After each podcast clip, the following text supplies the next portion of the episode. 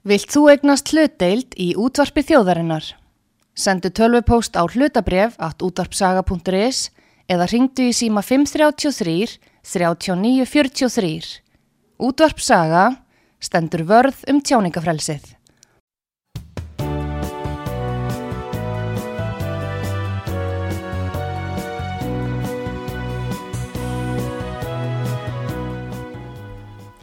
Já, góðan og blessaðan daginn.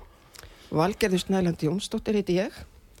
Artrúður, Artrúður útastjóri óskaði eftir því við mig að ég tæki að mér að vera með nokkra þætti um skólamál á útvarpisögu og ég hef náttúrulega alveg til í það. Við hugsaum þetta þannig að ég leik bara fingrum fram með viðmælundum mínum. Kveikjan að hugmyndinni hjá Artrúði var að vera með einhvers konar mentamál og spjall, skólamál og spjall en umræðan síðustu vikurnar um niðurstöður písaransóknar hennar sem tekið var 2022 sem kynnt var fyrir skömmu er svona ástæðan kveikjan að þessu. Ég sé fyrir mér að umræðan snúist um að læra af reynslinni sem tengist meðal annars þáttöku okkar í písa núna í um 20 ár. Hvað gerðist eiginlega og hvað hefur verið að gerast síðustu árin tengt písa og í framhald af þeim pælingum þá væri spennandi að skoða hvernig sjáum við framtíðina fyrir okkur, hvað er framöndan. Og þetta er fyrsta mentaspjallið og hingaður kominn Sturla Kristjánsson, sálfræðingur með meiru. Velkomin Sturla. Og þakka þið fyrir hugrekkið að taka þátt í þessu fyrsta mentaspjallið okkar hérna á útvarpisögu. Ég væri alveg til í Sturla því ég þekki, nú, þekki þig svolítið vel og við höfum verið samstarfsaðilar hérna áður fyrr ég væri alveg til í að fá smá sögulegt yfirlitt yfir skólamálinn einhvern veginn. Ég sé það ekki alveg fyrir mig hvernig það verður en við látum þetta bara verða. Mm -hmm. Einhvers konar sögulegt yfirlitt þar sem þú deilir með okkur viskuðinni sem tengist þinn í löngu og miklu reynslu af ólíkum störfum fyrir mentakefið. En í upphafi þá langar mér til þess að byggja þig um að kynna þig og aðkomi þína að skólamálum þessa lands. Já, það er mikið ámanlagt. Ég er kennari að grunnmentun og kem til starfa uh, 65 þá er ég kennari á Núpi dýrafyrði þaðan fer ég og verð skólarstjóri á Húnavöllum skamtar á Blöndórsi og þegar uh, frumvarp til laga um grunnskólan kemur úr prentun í desember 70 þá uh, fæ ég eintak frá skólanendamanni og þingmanni okkar Pálma Jónssoni mér fannst ég sjá í þessu frumvarpi þar sem að ég taldi vanta í kervis uppbygginguna, skipulag og hagnýtingu þeirra þekkingar sem best væri hægt að fá um skólamál og uppbildi og kjenslu. Ég sagði því upp og helt til Danmörkur, fór þar í, í skóla sem heitir Kennarháskóli Danmörkur og fór inn á uh, námsbraut sem að kalluð er pedagógíska stúdíu, semst uppbildisfræðilega uppeldisfræðilega línan og tók þar sálafræðis maðalgrein. Ég útskrifaðist 77 þaðan og tók þá til starfa í janúar sem fyrsti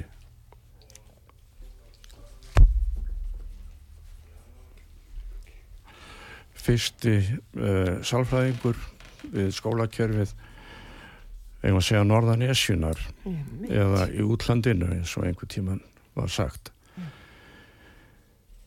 nú uh, ráð sem var síðan nokkuð hröð ég tók svo við eftir ár sem fræðslustjóri og uh, 87 er við síðan sparkað út og borin alls konar sökum sem að ég ána eftir að fjalla svolítið um og sína fram á hvernig voru kryttaðar og kokkaðar upp. Nú eftir eftir þetta þá þá hérna fer ég í nám til Vancouver í Kanada University of British Columbia og er þar í fjögur ár. Og ég var í deild sem heitir uh, Department of Social and Educational Studies. Og þar fjallaði ég um uh, breytingar, skulum við segja í skólakerfum. Og kem heim uh, eftir fjögur ár með tilbúin já ég er svona komin á stað með doktorsritgerð en þá bræður svo við að ég fæ hverki yngu yngu í akademiska kerfið hér á Íslandi. Þannig að rítgerðin hefur nú ekki verið skrifuð ennþá. Ég fer eftir að hafa verið svona farandverkamaður en ekki með stál á nýf eins og buppi þá eiginlega forða ég mér á landi og fer til Danmörkur og vinn það er ég einhver ár kem svo heim dett inn á það að fara inn í Davis-kerfið og uh, í rúm 20 ár hef ég mest megnus fengist við það að kenna þeim að lesa sem segja má að hitt hefðbundna skólakerfi hafi brugðist. Og uh, nú er ég orðin eins og grönum á merka og er nú fann að hæja þetta alltaf á en ég er alveg tilbúin að koma með þér og skoða þessa hluti Hvað er maður að fara langt aftur til þess að reyna að skilja þetta skólakerfi okkar? Þetta er ekkert það sem er að gerast í dag. Alveg það sem þú nefnir, öll þessi dæmi sem þú nefnir. Já, Þetta er ekkert nýtt sennilega það sem er að gerast í dag. Hvað erum við? Á hvaða leið erum við? já við erum, sko ég segi gjarnan að um, ef við byrjum að fyrstu lagarsetningunni þá er hún frá 1907 Mm. og uh, ég vil gjarnan segja það þannig að við erum þá að flytja inn verkfæri Mm. skólakerfi er eins konar verkfæri Mm. sem, við, sem er hannað til ákveðina verkefna Mm og við flytjum þetta inn og reynum að koma þess í gang koma því í gagnið en þau verkefni sem að þetta kerfi var fyrst og fremst hannað til að sinna Mm. þau raunar fyrirfinnast eiginlega ekki á Íslandi. Það sem að um er þá að ræða er lestrakensla og síðan er spurningin um að sameina uh, þjóðarbrot í eina þjóð saman með bandaríkin. Nú þó að lögin séu sett þarna þá uh, liggur lestrakenslan áfram á herðum heimilana og foreldrana. Því að börnin eiga að vera læs þegar þau kom í skólan og þannig var það nokkur lengi fram eftir. Við fáum endurskoðan 26 og endurskoðan 36 og svo fáum við uh, stóru byltinguna 46 þá er nýsköpunarstjórnin svo kallaða við völd þar sem forsættisráðherran er sjálfstæðismæður en menntamlaráðherran er sósialisti þeir ná saman um að skrifa þessi nýju lög og skapa þessa nýju framtíð í skólamálum. Og þá dettur manni nú í hug hvernig það eru margir sem vilja tala um að það sé barátt á milli stjórnmála afla um skólastefnu og annað slíkt. Mm. og þannig getur maður nú spurt þegar verður þessi mikla bylting, kerfislega bylting hvort skildi þar íhalsmaðurinn telja sig ebla sitt kontról eða sína, sín stöðuleika á kerfinu eða sósialistinn koma við einhvers konar umbótum eða bylting eða byltingu? Uh, því get ég ekki svarað en allavega þegar mentamálaráþarann heldur ræðu 1. desember 46 hjá stúdendum á Hotel Borg þá fjallar hann að sjálfsögðu um þessi nýju lög og þá rekur hann það hvernig samfélag framtíðarinnar þurfi á mentuðu fólki að halda í hinnum ýmsu stjættum. Hann talar um hann talar um einamenn, hann talar um hérna, skipstjórnamenn, skipstjóra, vjálstjóra og hann, hann fyrir sviðið vitt og breytt og nefnir það svo einnig að til þess að þetta megi verða þá þurfi grunnmentunin að vera uh, tröst og góð fyrir að allt byggist framhaldið á henni. Mm. Nú, þessi lög halda út fram yfir 60 og það er ekki fyrir en uh, í lók sjönda áratugverins að þáverandi ráð þeirra Gilvið Þótt Gíslason setur niður nefnd til að, til að, til að skrifa nýtt frumvarp til laga um, um skólakerfið. Það verður úr að þegar að þetta frumvarp er tilbúið og lagt fyrir og það kemur inn í þingið í janúar 72 þá verður veruleg umræða um þetta í samfélaginu og þetta, þetta er tölvert í umræðið þinginu því að það er ekki samþygt fyrir enn í mæmánuðu 74.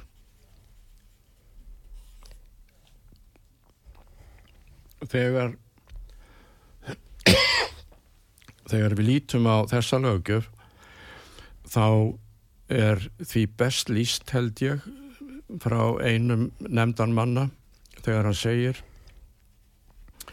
að þessi nýju lög hafi fyrst og fremst hann tilgang að jafna aðstöðu barna til náms.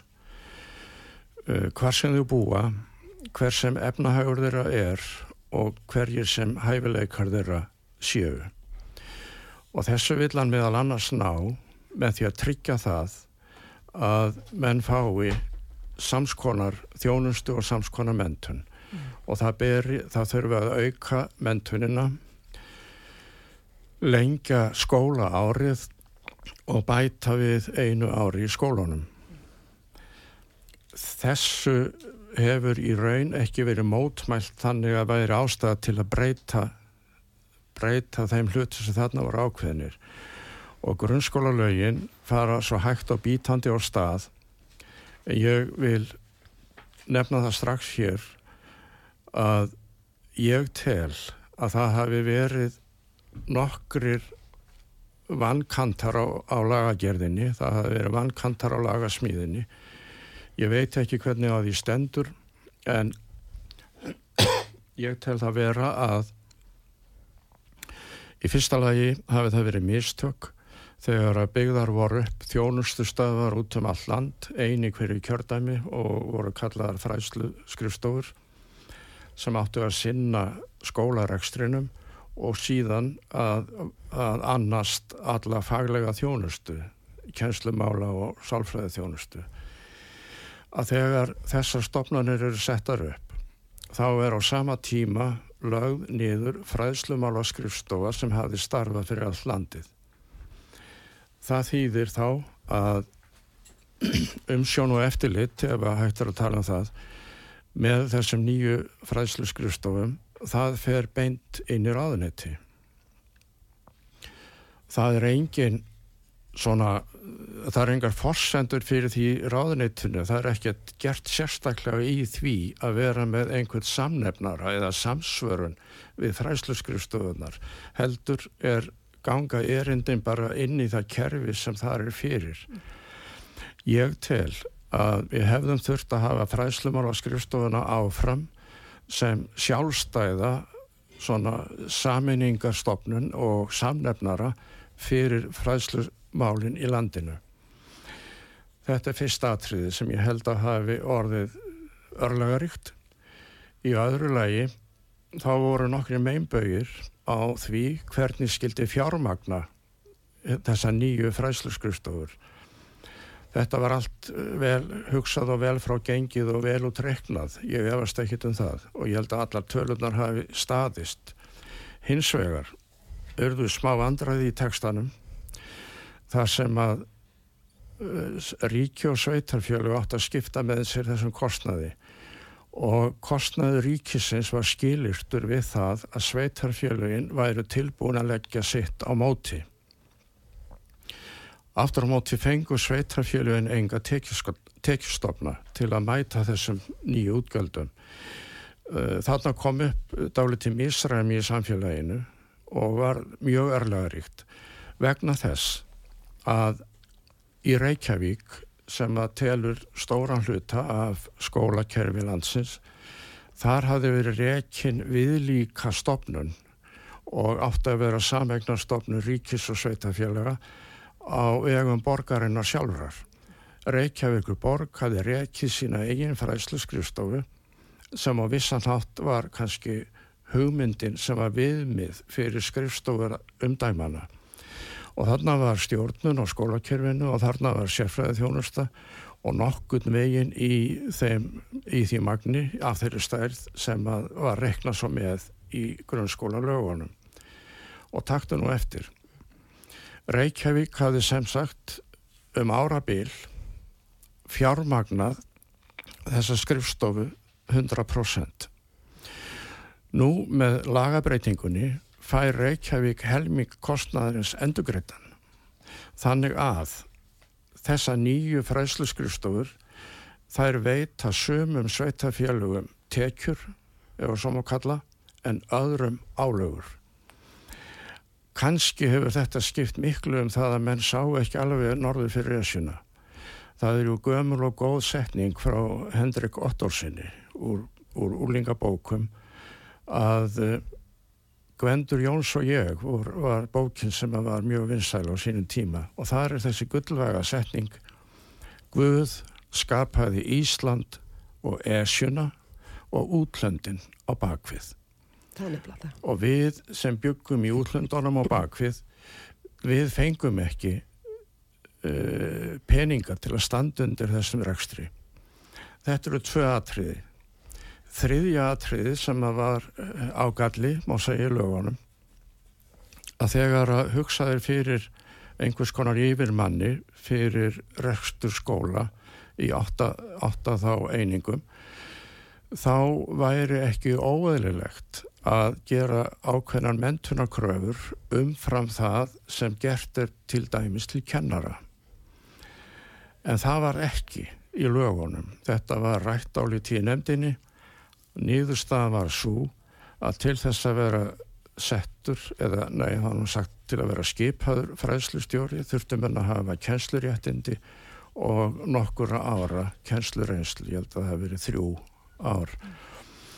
Þetta gerir það verkum að fræðslustjóri situr að sömuleiti svolítið skakkur inni í þeirri skrifstofu sem hann á að stýra og hefur byggt upp og flestir þeir sem koma þetta í starfa verða að sanna og sína að þeir hafi framhaldsmentun, sérmentun og einhverjum tilteknum sviðum sem var það skólamál en slíkar kröfur voru ekki gerðar til yfirmannsins. Ég held að þetta hafi haft ákveðin neikvæð áhrif og þetta kalla ég ágallana þrjá sem að kannski þegar allt er lagt saman hafa voruð þess valdandi að á áronum eftir um og eftir 80 þá er, er eins og sé markvist verið að brjóta niður þessa nýjung sem að voru þessa skrifstór, þetta skipulag.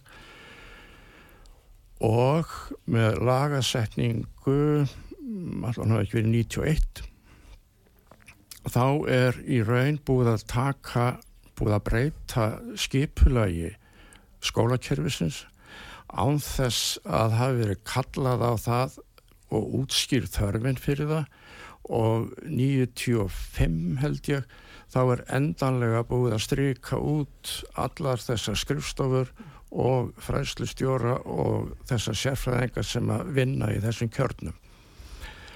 Þar með er búið að brjóta niður jafnréttis lögjöfina sem var samþygt 74 og þær breytingar og umbætur og það sem verður að gera eftir það í lagasetningu varðandi grunnskólan það er eiginlega spurningar um hvar húsgögnin er að standa og hvaða litur er að vera vekkjónum þannig að ég held að skólapolítíkin hún hafi í raun og verið glatast. Ég bara ákvað að vera ekkert að grípa fram í fyrir þér en Nei. það var vaknað alveg óteljandi marga spurningar við þetta Mhm. og sennilega fáir sem að hafa sömu yfir sín yfir þetta tímabil eins og þú af því að þú tengist þessu með í þessum ólíku hlutverkum þínum og svo framvegis og nú stöndum við hérna 2023 alveg miður okkar í enn, skipt, enn eitt skiptið með, með niðurstöður úr písa sem að eru aldils ekki í samræmi við sjálfsmynd þjóðarinnar. Já. Og ég hefa skoðun á því. Langar til að fá að heyra frá þér hvað þér finnst. Já, fyrst er náttúrulega það að telja að ég, mér finnst það allt og mikið fár gert út af þessum písa hérna kvannunum. Nú hef ég ekki farið að- kynna mér það nákvæmlega hvernig þetta er framkvæmt eða hvaða, hvaða eiginlega hugsun er þarna baki. En mér sýnist að þarna sé verið að kanna þetta í að vera eins konar ytri mæling fyrir fagfólk og stjórnmólamenn hér í landinu til að fá viðbragð um það hvort skólapólitíkin sé á réttri leið eða ekki, mm. sem sagt heildarpólitíkin. Ég hef búin að vita það síðan meil 80-90 að hún er ekki á réttri leið. Þannig að mér finnst þessi útkoma algjörlega raukrétt við það sem gerist á milli 80-90. Nú, að einhverju tala um að skólanir verða að fá nýðustöðunar og að nefndurnir verða að fá að vita hvernig þeir hafi staðið sig. Ég er ekki sammála því. Ég held að eitt verkfæri þurfum við að nota til að sjá hvernig skólapólitíkin er uh, byggð upp og miðuð að þeim þörfum sem að samfélagi kallar á. Og það verðist eitthvað hafa farið yllilega úrskiðis hjá okkur. Nú í öðru lagi þá er ekki galið að kanna hvernig ákveðin svæði, einstakki skólar eða ákveðin landsvæði standa sér hvort á móti öðru og hvort að árangur þeirra og það sjálfsögðin landi í heild eins og písa, hvort að árangur er í samræmi við þann tilgang sem að skólahaldið hefur. Svo kemur að þriðja liðnum sem er þá hinnur einstakku nefendur. Ég er þeirra skoðunar að það sem stóð á sínum tíma í grunnskóla lögunum eigi að fá að standa áfram þó það hafi að sjálfsögðu verið þverbrótið. Ég er þeirra skoðunar að skólinn hafi engar rétt til þess að leggja einhver og einhver skrifleg próf fyrir nefendur, gefa þeim einhverju og einhverju engun og senda svo þá engun til þriðja aðila. Ég held að nefandin eigi að búa við það öryggi og tröst í skólanum að það er kannanir sem fara fram á því hvernig hann stendur og hann, hvernig hann hefur spjarað sig það er eigi að vera til innri nota mm. það enda að vera tilgangurinn að prófa kannanir væru til þess að styrkja nefnandan í námi en ekki til að gefa þriðja aðila upplýsingar og jafnvel að útilokan frá einhverju tiltekinni framtíð af því að þriðja aðila líkar ekki niðurstaðan. En í það heila tekið þá finnst mér þetta standa mjög saman að okkur skortir heilstæða skólapólitík við getum jagast um hvaða krytta ég í matin eða hvort það sé rétt að, að steikja súpikett súpikett í opni áður en það fer í pottin eða hvort er að fara með beint í pottin við getum jagast um hín og þessa hluti en það er ekkert að tala um næningagildið við verðum að hafa á hreinu hvort við erum virkilega að leggja nefendur í þann farveg sem er heppilegur mm. varðandi skólahald, hvað þau að læra og svo framvís og ég hef kastað fram svona skringilega fáránleiri hugmynd og ég hef sagt ef þið viljið fá að vita hvort við sjöum að réttri leið þá skulum við horfa fyrst á það að grunnskólinn á að kenna nefendum sínum, hann á að búa þá undir lífið og hann á að kenna þeim það sem allir þurfa að kunna og vita. og þegar við segjum allir þá hljóta foreldrarnir að vera þar á meðal Já, ég er hérna eiginlega að hlusta á Sturla Kristjánsson, við erum hérna að ræða saman um, um skólamál, mentamál. Við erum að gera hlið núna vegna auglisinga og svo komum við Sturla Kristjánsson hérna aftur að vera með spori.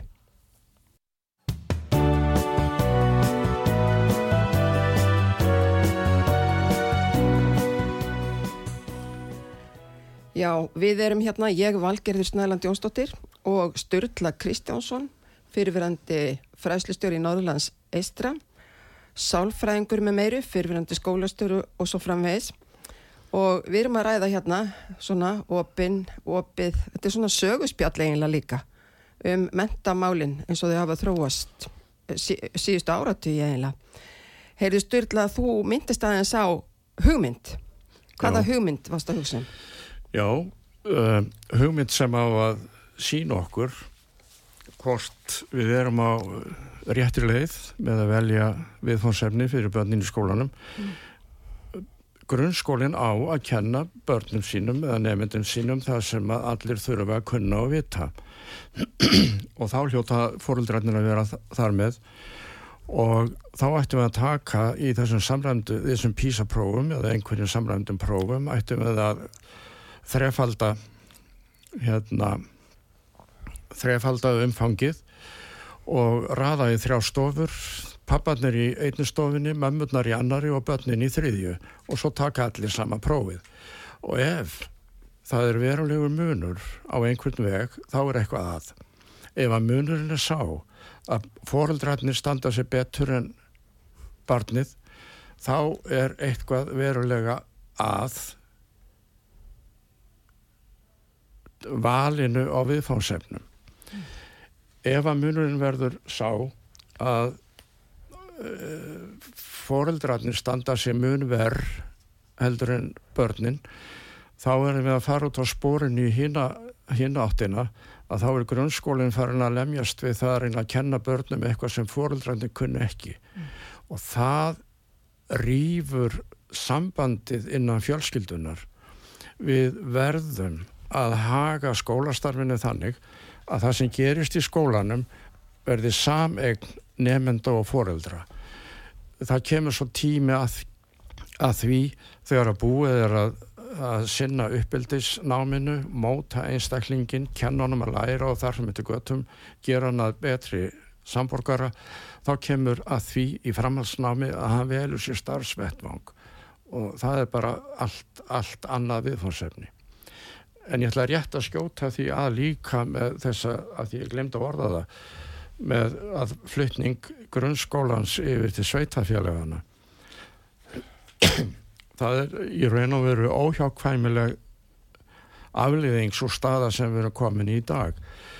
Það gefur alveg auga leið að þegar að skrifstofunar voru, fræslu skrifstofunar voru lagða niður og grunnskólinn fluttur til sveitafélaga í miklu minni einingar að þá er gjörsanlega búið að útiloka að hægt er að halda uppi einhvers konar fagleiri þjónustu í einstöknum sveitafélagum og það er ekki hægt bara að gefa mönnum fyrirmælu og segja að þau þau að vinna saman með einhverjum og einhverjum. En einingarnar verða að vera stærri og það þýðir ekkert að fletti upp í orðabók og segja sveitafélag og sveitafélag. Það þýðir ekkert að miða sig við nágrannlöndin og segja grunnskólinni komið til sveitafélagana í nágrannlöndunum, í Breitlandi og, og Norðurlöndunum og það gefst mjög vel. Þeir eru að tala um sveitafélug sem eru jafnvel stærri heldur en allt Ísland. Við verðum að hafa ákveðin fjölda, við verðum að hafa burðugar einingar til að geta staðið undir allir þeirri þjónust eins og þurfa að veita skólunum. Þannig að ég til þetta hafi verið sorgardag þegar þetta var flutt yfir. Einmitt, ég heyrði alltaf að því að við erum bæði að vinna á fræsluskustum á þessum tíma, þá heyrði ég alltaf að þetta væri gert til þess að draga úr miðstýringu. Svo á sama tíma þá verði ég skólastjóri og ég upplifi að miðstýringin varð aldrei meiri og hún varð svo persónulegri að þetta kom inn á borð hjá stjórnmálamönnunum í sveitafélagunum. Já, það sko, það það náttúrulega aðtuga eða, einhvað að segja, skilgarina hvað er átt við með minnstýringu. Mm. Það er, stundum hægt að segja sko það, það verður að hafa afmarkaðan leikvöld til þess að börnin geti verið örug og haft frelsi innan gyrningarinnar mm. og það sama á við í mörgum tilvikum við verðum að hafa trösta ramma utanum ímislegt sem við gerum í samfélaginu mm. og þessi tröstu rammar eru kannski forsenda fyrir því að menn geti notið frelsisins innan rammana mm. og það, það er ekki hægt að kalla það miðstýringu Mér varst hugmyndið þínum að fá fóreldrana inn í próf, sittgótt prófherbergið með barnin alveg snilt. Vildu að segja eitthvað pínlítið meirum þetta? Ég? Já. Já, sko, ef við horfum á þetta, ef við tökum þetta alvarlega, grunnskólans hlutverkið sé að eh, koma börnum jáfættis við almenna, almenna borgara um almenna þekkingu og þá er eitt af því sem að auðvitað likur næst það er það sem við getum kallað og var kallað í gamla daga áttagafræði mm -hmm. kannski er það einhver kallað besta eða skinsamlegasta kjenslubók sem hefur verið til á mhm. íslensku mm og þá held ég að það sé átt við það að kenna börnum að lesa, nema, skinja og skilja umhverfi sitt alveg frá rimlarúminu og niður á bryggju mm. og ef að þú færir út kvíarnar skinn svæðið þitt stekkar og stekkar þá þarf þetta ákveðna aðstóð við að raða reynslinni á þann hátt inn í bókasefni í höfðunáður að allt sé skipulega gert og auðvelt að grýpa til þess segna mm. þar að segja að við byggjum upp einhvers konar reynslu heim og gerum það skipulega og þá getum við, þegar við mætum einhverju sem minnir á síðar meir, þá getum við fundið út lausnirnar. Eh, eftir því sem að skinjunirnar verða viðameiri og víðáttumeiri, eftir því sem þeim er betur raðað, betur úr þeim unnið, eftir því verðum við skinn samari. Mm. Og þar held ég að við getum líka kallað nota orði greint greind er auðvitað eitthvað sem við byggjum upp og eftir því sem við höfum eh, fleira til þess að grípa til í mati á því sem mætur okkur í dag grípa til úr reynslubankanum. Eftir því erum við færari um að leysa vandamál. Eftir því erum við gleggri, að, gleggri við að greina og eftir því erum við greindari. Auðveldara fyrir okkur að finna lausnir. Hvaða áhrif heldur þú að lögin 1974, nýju grunnskólalögin hafi haft á þetta að klippa svolítið á tengslinn á milli fóreldra og batna í sambandi við lærdóminn.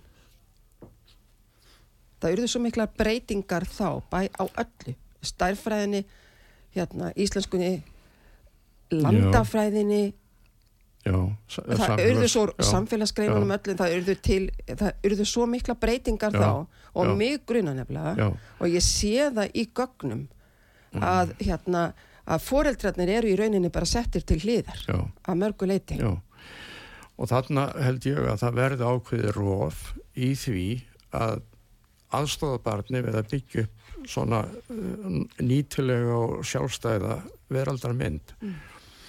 ég hef ég hef eh, nefnt það nokkur sinnum að, og sagt svo sem að það væri skamarlegt að vera alin upp í fallegu umhverfi og í fallegu landi og fallegu landslægi og eh, þekkja ekki nöfnin á því sem það sér þekkja ekki nöfnin á fjallarhingnum mm. hafa heyrt hín á þessi nöfn en setja þau kannski á ranga staði mm. auðvitað á að aðstóða börnin um að setja niður allt sem það skinjar, allt sem það reynir mm. hjálpa því að egna heilstæða mynd af lífin og umhverfi sínu þannig að það geti ferðast örugt og markvist. Á því svæði sem að það hefur möguleika á að ferðast um og þetta náttúrulega ég veit ekki hvað þetta rofnar en þegar að farið er eins og segir með þessari breytingu sko ég held að það sé einn ágallin líka og hann er mjög áberandi í dag að eh, við gerum allt á mikið út úr einhverju sem við kallum námskrá mm. Uh, ég held að löggjöf og, um, og rammareglurnar séu miklu, miklu meira atriði. Mm. Við þurfum að hafa, ég maður segja, kjenslupolítíkina alveg á hreinu, mm. uppeldispolitíkina alveg á hreinu mm. og síðan eigum við að finna okkur verkfæri og mm. tæki sem þjóna þessum, þessari hugmyndafræði. Mm. Við höfum ekki að grípa eitthvað af því að það er sniðugt eða skemmtilegt við verðum að byggja hlutina upp á markvissanhátt og það að taka foreldrana út úr mm. þá verður að búa til róf í uppbyggingu þessarar, ef maður kalla það þjættu, mm. þjættu skinnfærni mm. og uh, það munar til dæmis veruleg um það hvort þú getur talað um námsefni, talað um það sem þú gerir í skólan við foreldraina eða ekki mm. og þess vegna, mér finnst þetta stórkostleg setning að grunnskólinn á ekki að kenna nefndum sínum það sem foreldrarnir kunna ekki. Mm, ég hef að vísu fengið aðkast fyrir en þetta stendur út af fyrir sig í lögunum 74 Já. að grunnskólinn skal kenna nefndum sínum það sem allir þurfa að kunna mm. og vita. Mm. En það fer auðvitað úrskeiðist þegar við förum að sækja eitthvað framandi sem að ekki hefur verið í reynslu hefði fóreldrana. Og sé það gert þá held ég að væri nokkuð gaglegt að byrja á því að halda námskeið fyrir foreldra mm. um þá hluti sem að innleiða í skólan mm. og hafa ekki eru ekki kunnugir foreldrunum mm. við höfum ekki að nota ríkiskólan til að búa til kynnslóðabil Það er, hérna, kemur upp í hugan einmitt sko foreldrar sem að, hérna, er útskrifaður úr, e, hérna bara úr framhaldsskóla og mjög vel mentaðir voru einu sinni hjá mér með lit, litla stúlku, 8 ára. Og þau komið með starfræði bókina sem stúlkan var að glíma við í 8 ára bekk og bara spurðu valgerður hvað eigum við að gera hér á þessari blasi. Já, já. Já, það náttúrulega er að kenna það sem allir þurfa að kunna og vita, það náttúrulega þýðir í einföldustu mynd að þú átt ekki að leggja mikið upp úr því að börn læri einhverja hluti sem að fóröldrar að kunna ekki og sem að þau munu aldrei þurfa að nota. Mm. Það er fullt af slíkun hlutum og það er fullt af verkefnum í sem að við getum ekki séð hver tilgang hafa. Mm. Það þýðir ekkert að segja eins og í gamlandagi mentarskólanum að maður, það veri mjög holdt það, það verður svona eins konar andleg leikfið með að læra latínu einn vetur mm. mjög gaglegt, mjög holdt og gott fyrir andan mm. Mér langar svolítið til að því ég veit að þú hefur lengi haft áhuga á, á því sem eru kallið sko afbyrðar börn Aha. og hér kemur úr skýslinni samantektinni um læsi og farsælt 15 ára batna á Íslandi 2022 að læsi á nátt náttúruvísindi dalar meira enn í öðrum löndum og fáir nefnendur með afbyrðahæfni á Íslandi. Já, almennt séð, ekki náttúruvísindum. Jú, þarna stendur okay. sko, en það kemur líka fram síðar að Já. það bara, það, það er, okkar, við erum, sem sagt, erum með 2% börn með afbyrðahæfni. Já, ég þekki málið ekki þannig séð, en ég gerir mér hugmyndur um það að eitt af því sem uh, í raun spillir góðum efniviði er yðjuleysi mm.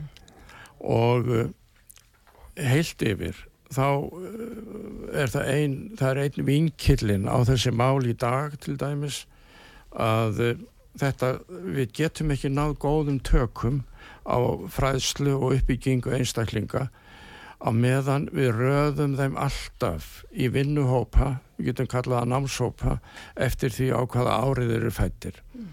Það er, er gjörsamlega vonlust mm. og það er, ef við viljum horfa á þetta þeim augum, þá sjáum við hvað þetta er, hvað þetta er skelvilega ósangjart og ránt að allir sem eru fættir á sama ári þeir eiga að skila sömu afkvöstum, eh, læra sömu hlutir og skila sömu afkvöstum og ef þeir gera það ekki þá fá þeir neikvæða sjálfsmynd mm. uh, við getum ekki fengið börnin glöð og ánægð og eljusum í skólum nema að þau fá að fást við hluti sem þau hafa sjálf valið og vita að þau geta ráði við og við verðum að leifa þeim að hreyfast til í námssteganum eftir því hverju þú skila af sér. Og það getur vel verið að það sé nokkru sem fara hægar á einhverjum tíma heldur en aðrir og þá, bara, þá er það besta mál. Aðalatriði er að þeir lifi, hafa mikið sömu lífi og séu gladir og ánæðir og það er líka möguleiki að það séu margir eða sömur sem að uh, já, líta á skóla viðfársefni sem óttalegt léttmeti og hafi fái litla næring út úr því og, og litla gleði mm og auðvita eiga þeir að fá að auka hraðan og halda áfram. Við meigum ekki ala fólk upp í því dáðleysi að það þurfi ekki að hafa neitt fyrir neinu, þetta kom alltaf sjálfuð sér. Við erum svo klár, við getum þetta allt, það er ekkert mál, við rettum þessu bara. Það verður að leifa fólki að mæta viðfangsefnum sem eru augrandi. Alveg sama á hvað aldrei þú eru eða hvað við teljum að vera hérna góð til náms. Ég held að allir geti haft sömu ánægi að námi. Þeir þurfa bara að fá viðfánsefni sem að henda þeim og þau vita að þau ráða við og hafa löngun til að eignast niðurstöðunar Í samantektinni þá er sagt hérna færri nemyndur en áður með grunnhæfni í leskilningi Já. Hvað segir um það? Já, ég er almennt þeirrar skoðunarverandi lestur að við séum á villigötum. Og ég veit að ég hef eiginlega heiminn á móti mér. En það er nú samt þannig að hún snýst nú samt ég held að bara það einfalda að segja Lestur er fluttningur á reynslu frá einum aðila til annars. Tungumálið er verkfæri, manngjart verkfæri sem er hannað til að flytja upplýsingar frá einum heila yfir í annan. Og við getum gert þetta eins og hér og nú með hérna, hljóði, hljóðmyndum sem við, ég sendi við til þín eða við notum tæknina til að senda það eitthvað út í eterinn um, og það verkfæri er notað þennan hátt vegna þess að ég er með eitthvað sem ég vil segja einhverjum öðrum. Börn læra að tala af því þau hafa eitthvað að segja ef þau hefði ekkert að segja þá þyrftu þau ekkert að læra að tala. En þau læra að tala af því þau tengja það við reynsluheimin og þegar þau eru búin að læra að tala og ná valdi yfir orðum sem þau eiga yfir það reynslu heim sem þau eru búin að byggja upp þegar þú getur sagt allt sem þú veist þá ert allt halandi það er ekki þar með sagt að þú vitir allt sem einhver annar veit.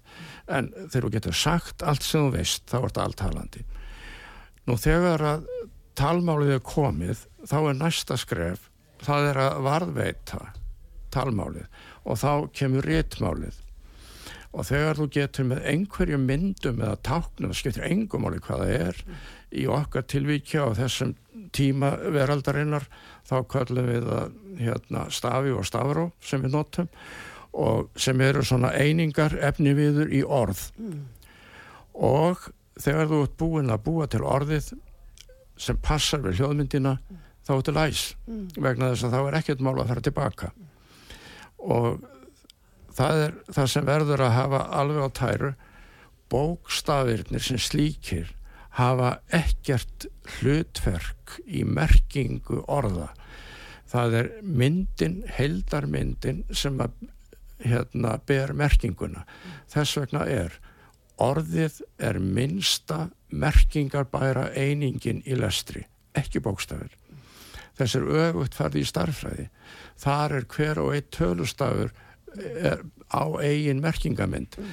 þannig að það þarf að fara svolítið öðruvís að með starfræðikennsluna en ef við erum sífælt að kenna einingarnar og láta börn raða saman og láta þau síðan muna hljóðmyndir heildarinnar hljóða sér í gegnum uh, orðið með því að hljóða hvert staf fyrir sig meira að segja stafina sem eiga engin hljóð. Og, og svo hveðum við að sem kallaður eða búin til hljóðmyndin yfir orðið í heild. Og meðan við gerum þetta og mælum svo hvað þú getur sagt mörg orð, hvað þú kantorði mörg orð án þess að það sé innistæð á bakviða þá, þá er verður leskilningurinn eðlilega lélugur ef þú ferð hérna leðina þá er leskilningurinn innbyggður munurinn er sá Þakkaði fyrir. Nemyndum á Íslandi líður almennt vel í skólanum og eru jákvæðir í garð kennara, kemur fram. Já, kemur ekki eitthvað meira? Jú, það kemur líka hérna, minnst líka þessi, atriði hérna, íslenski nemyndur skora hátt í þrautsegju og streytuþóli mm. en lægra á samvinnu og samkend. Já, sko, þetta er ógnvænlegt. Mm þeir samvinna og samkend það er svona já það er svona tilfinningahjúpur sem þú hefur í kringum þig og tengir þig við aðra annað fólk uh, í einhverju frægu verki var sagt þurs er engum þarfur þeir sem ekki geta tengstaðurum og eigu ekki þessa samkengt þeir geta verið hættulegur umhverfið sínu og ég býstu því að þeir sem við teljum hættulegustu einstaklinga í hverju þjóðfélagi þeir hafi þrautsegju og allt þetta mm. það er það er ekki málið sem við þurfum að horfa á við þurfum að horfa á hinallíðina mm. samkendina, viljan til að vinna saman, viljan til þess að finna leiðir sem gerur sem flesta ánægða mm. við verðum að finna það sam mannlega mm. í þeim sem við umgöðingumst við verðum að ganga út frá því að við erum öll eins sem manneskur við höfum sömu þarfir, sömu langanir mm. sömu þrár við verðum fyrir áfalli af sömu atriðum, mm. við þurfum á aðstóða halda við sömu aðstæður mm. og allt þetta það er þetta sem við verðum að leggja áherslu á að byggja upp þá kemur allt þetta sjálfur sér ef við leggjum ofur áherslu á það að skara eldaði í einn köku mm. og sínum klókindi og, og slæð og þrautsegi og allt það mm. þá erum við hættuleg og skadaleg hverju samfélagi sem er Er eitthvað svona sem að svona í lokin sem að hérna í þessum pælingum öllum sem að hérna þér finnst að við hefðum gott af að fá að heyra Já, ég held að ég held að veri mjög holdt að horfa tilbaka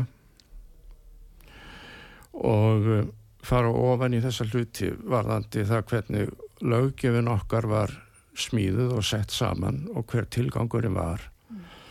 og hvar við höfum svo tapað þessu mikilvægasta innihaldi, hvar á leiðinni ég held líka að uh, það er nokkur atriði sem að uh, maður pikk upp. Það er til dæmis alveg makalust hvað mentastofnanir íslenskar uh, bæði háskólinn og eins kennaraskólinn og kennaraháskólinn léttu sér fátum finnast hver væri skólalögja á Íslandi, hver, hvað þurfti til, hvernig þurfti að vinna saman og hjálpa stað mm. við að ná því besta út úr lögjöfinni. Mm. Og það er engin glóra í því að vera að breyta lögjöf, ég tala nú ekki um, ef þú segist, ef þú, ef þú flytur greinargerðir með breytingunum og segist vera að reyna að skerpa á lögjöfinni mm. og auðvelda að ná henni til framkvæmda en svo kemur ljós að það verða að taka út mikilvægast atriðin ég skil ekki heldur hlutverk alþingis mm. hvaða glóra er í því að alþingismenn greiða atkvæði með einhverju lagasetningu og svo er það bara búið mm. það er eins og það skiptið á einhver máli hvort að hlutinni fara til framkvæmda eða hvort að þeir fara í fara, fá fjármagn eða, eða yfirleitt hvernig á málum er haldið og þá sakna ég þess líka í því sambandi hvernig framkvæmda valdið virðist oft á tíðum leika lausum hala og það er spurningin sko hver á að hafa eftirlit með ráðhörunum mm. og hver á að hafa eftirlit með ennbættisveldinu. Mm. Mér finnist ekki óæðilegt að það væri svörun á milli ráðunæta, viðfangsefna ráðunæta og svo nefnda skipunar í alþingi og að formaður hverja nefndar, við skulum segja bara formaður fjárlega nefndar, mm. hann væri eins konar stjórnarformaður fjármálaráður hans. Mm. Þannig að fjármálaráður hann er það að fá samþykki mm. hjá fjárlega nefnd mm. fyrir öllum þeim hlutum sem hann er að, að hérna, glingra með mm. og eins væri með aðra. Svo nefnd þingsin sem hefur með skólamál að gera að hún væri eins konar stjórnar nefnd mentamálar á þenni til þess að mentamálar á þeirra þannig að þegar að verið er að undirbúa einhverjar smá breytingar á lögunum að því að verðist að þá þyrti það alltaf að í umræðu í viðkomandi nefnd hjá þinginu og það veri þingsins að ákveða og, og hafa rauk fyrir því hvers vegna þessi breyting væri nöðsynleg mm. Mér finnst þetta mjög gott sem þú tala um. Ég, ég hef nefnilega myndið verið að huglega mikið akkurat það sem við höfum tekið út. Mm. Ekki allt þetta nýja sem við erum að setja inn heldur. Það sem við höfum tekið út mm. og hvaða árið hefur það haft. Það sem ég hef áhugir af núna, það er að allt snýst núna um gerfigreint og vasareikna og svo framvís. En einn ungum maður kom til mín ekki alls fyrir löngu og sagði, já ég get nota vasareiknin en ég skilit ekki. Já, já já, sko einhver loka orð stjórna? Já, mér finnst mjög, ég hef ekkert verið að skoða að kynna mér þetta með gerfigreind en mm. ég held að þetta sé bara svona í raun og veru það að nota greindinu okkar á einhvern nýjan hát og ég held að það sé ekki gott að fjalla mikið um gerfigreind á meðan við getum ekki einu sinni bent á einhverja klára skilgreiningu sem eigum yfir hugtaki greind Ég held að það sé engin skilgreining sem er, hefur notið almenns samþykkis mm. en ég skal slengva fram einni sem mm. ég Takk. nota og uh, ég byggja hana aðalega á norskum sálfræðingi sem hétt Kjell Róheim. Hann segir greind er hæfileikin til að gera óþekta hluti þekta og við vorum eitthvað að vinna með þetta félagar í gamla daga þegar ég var 1780 í náminu.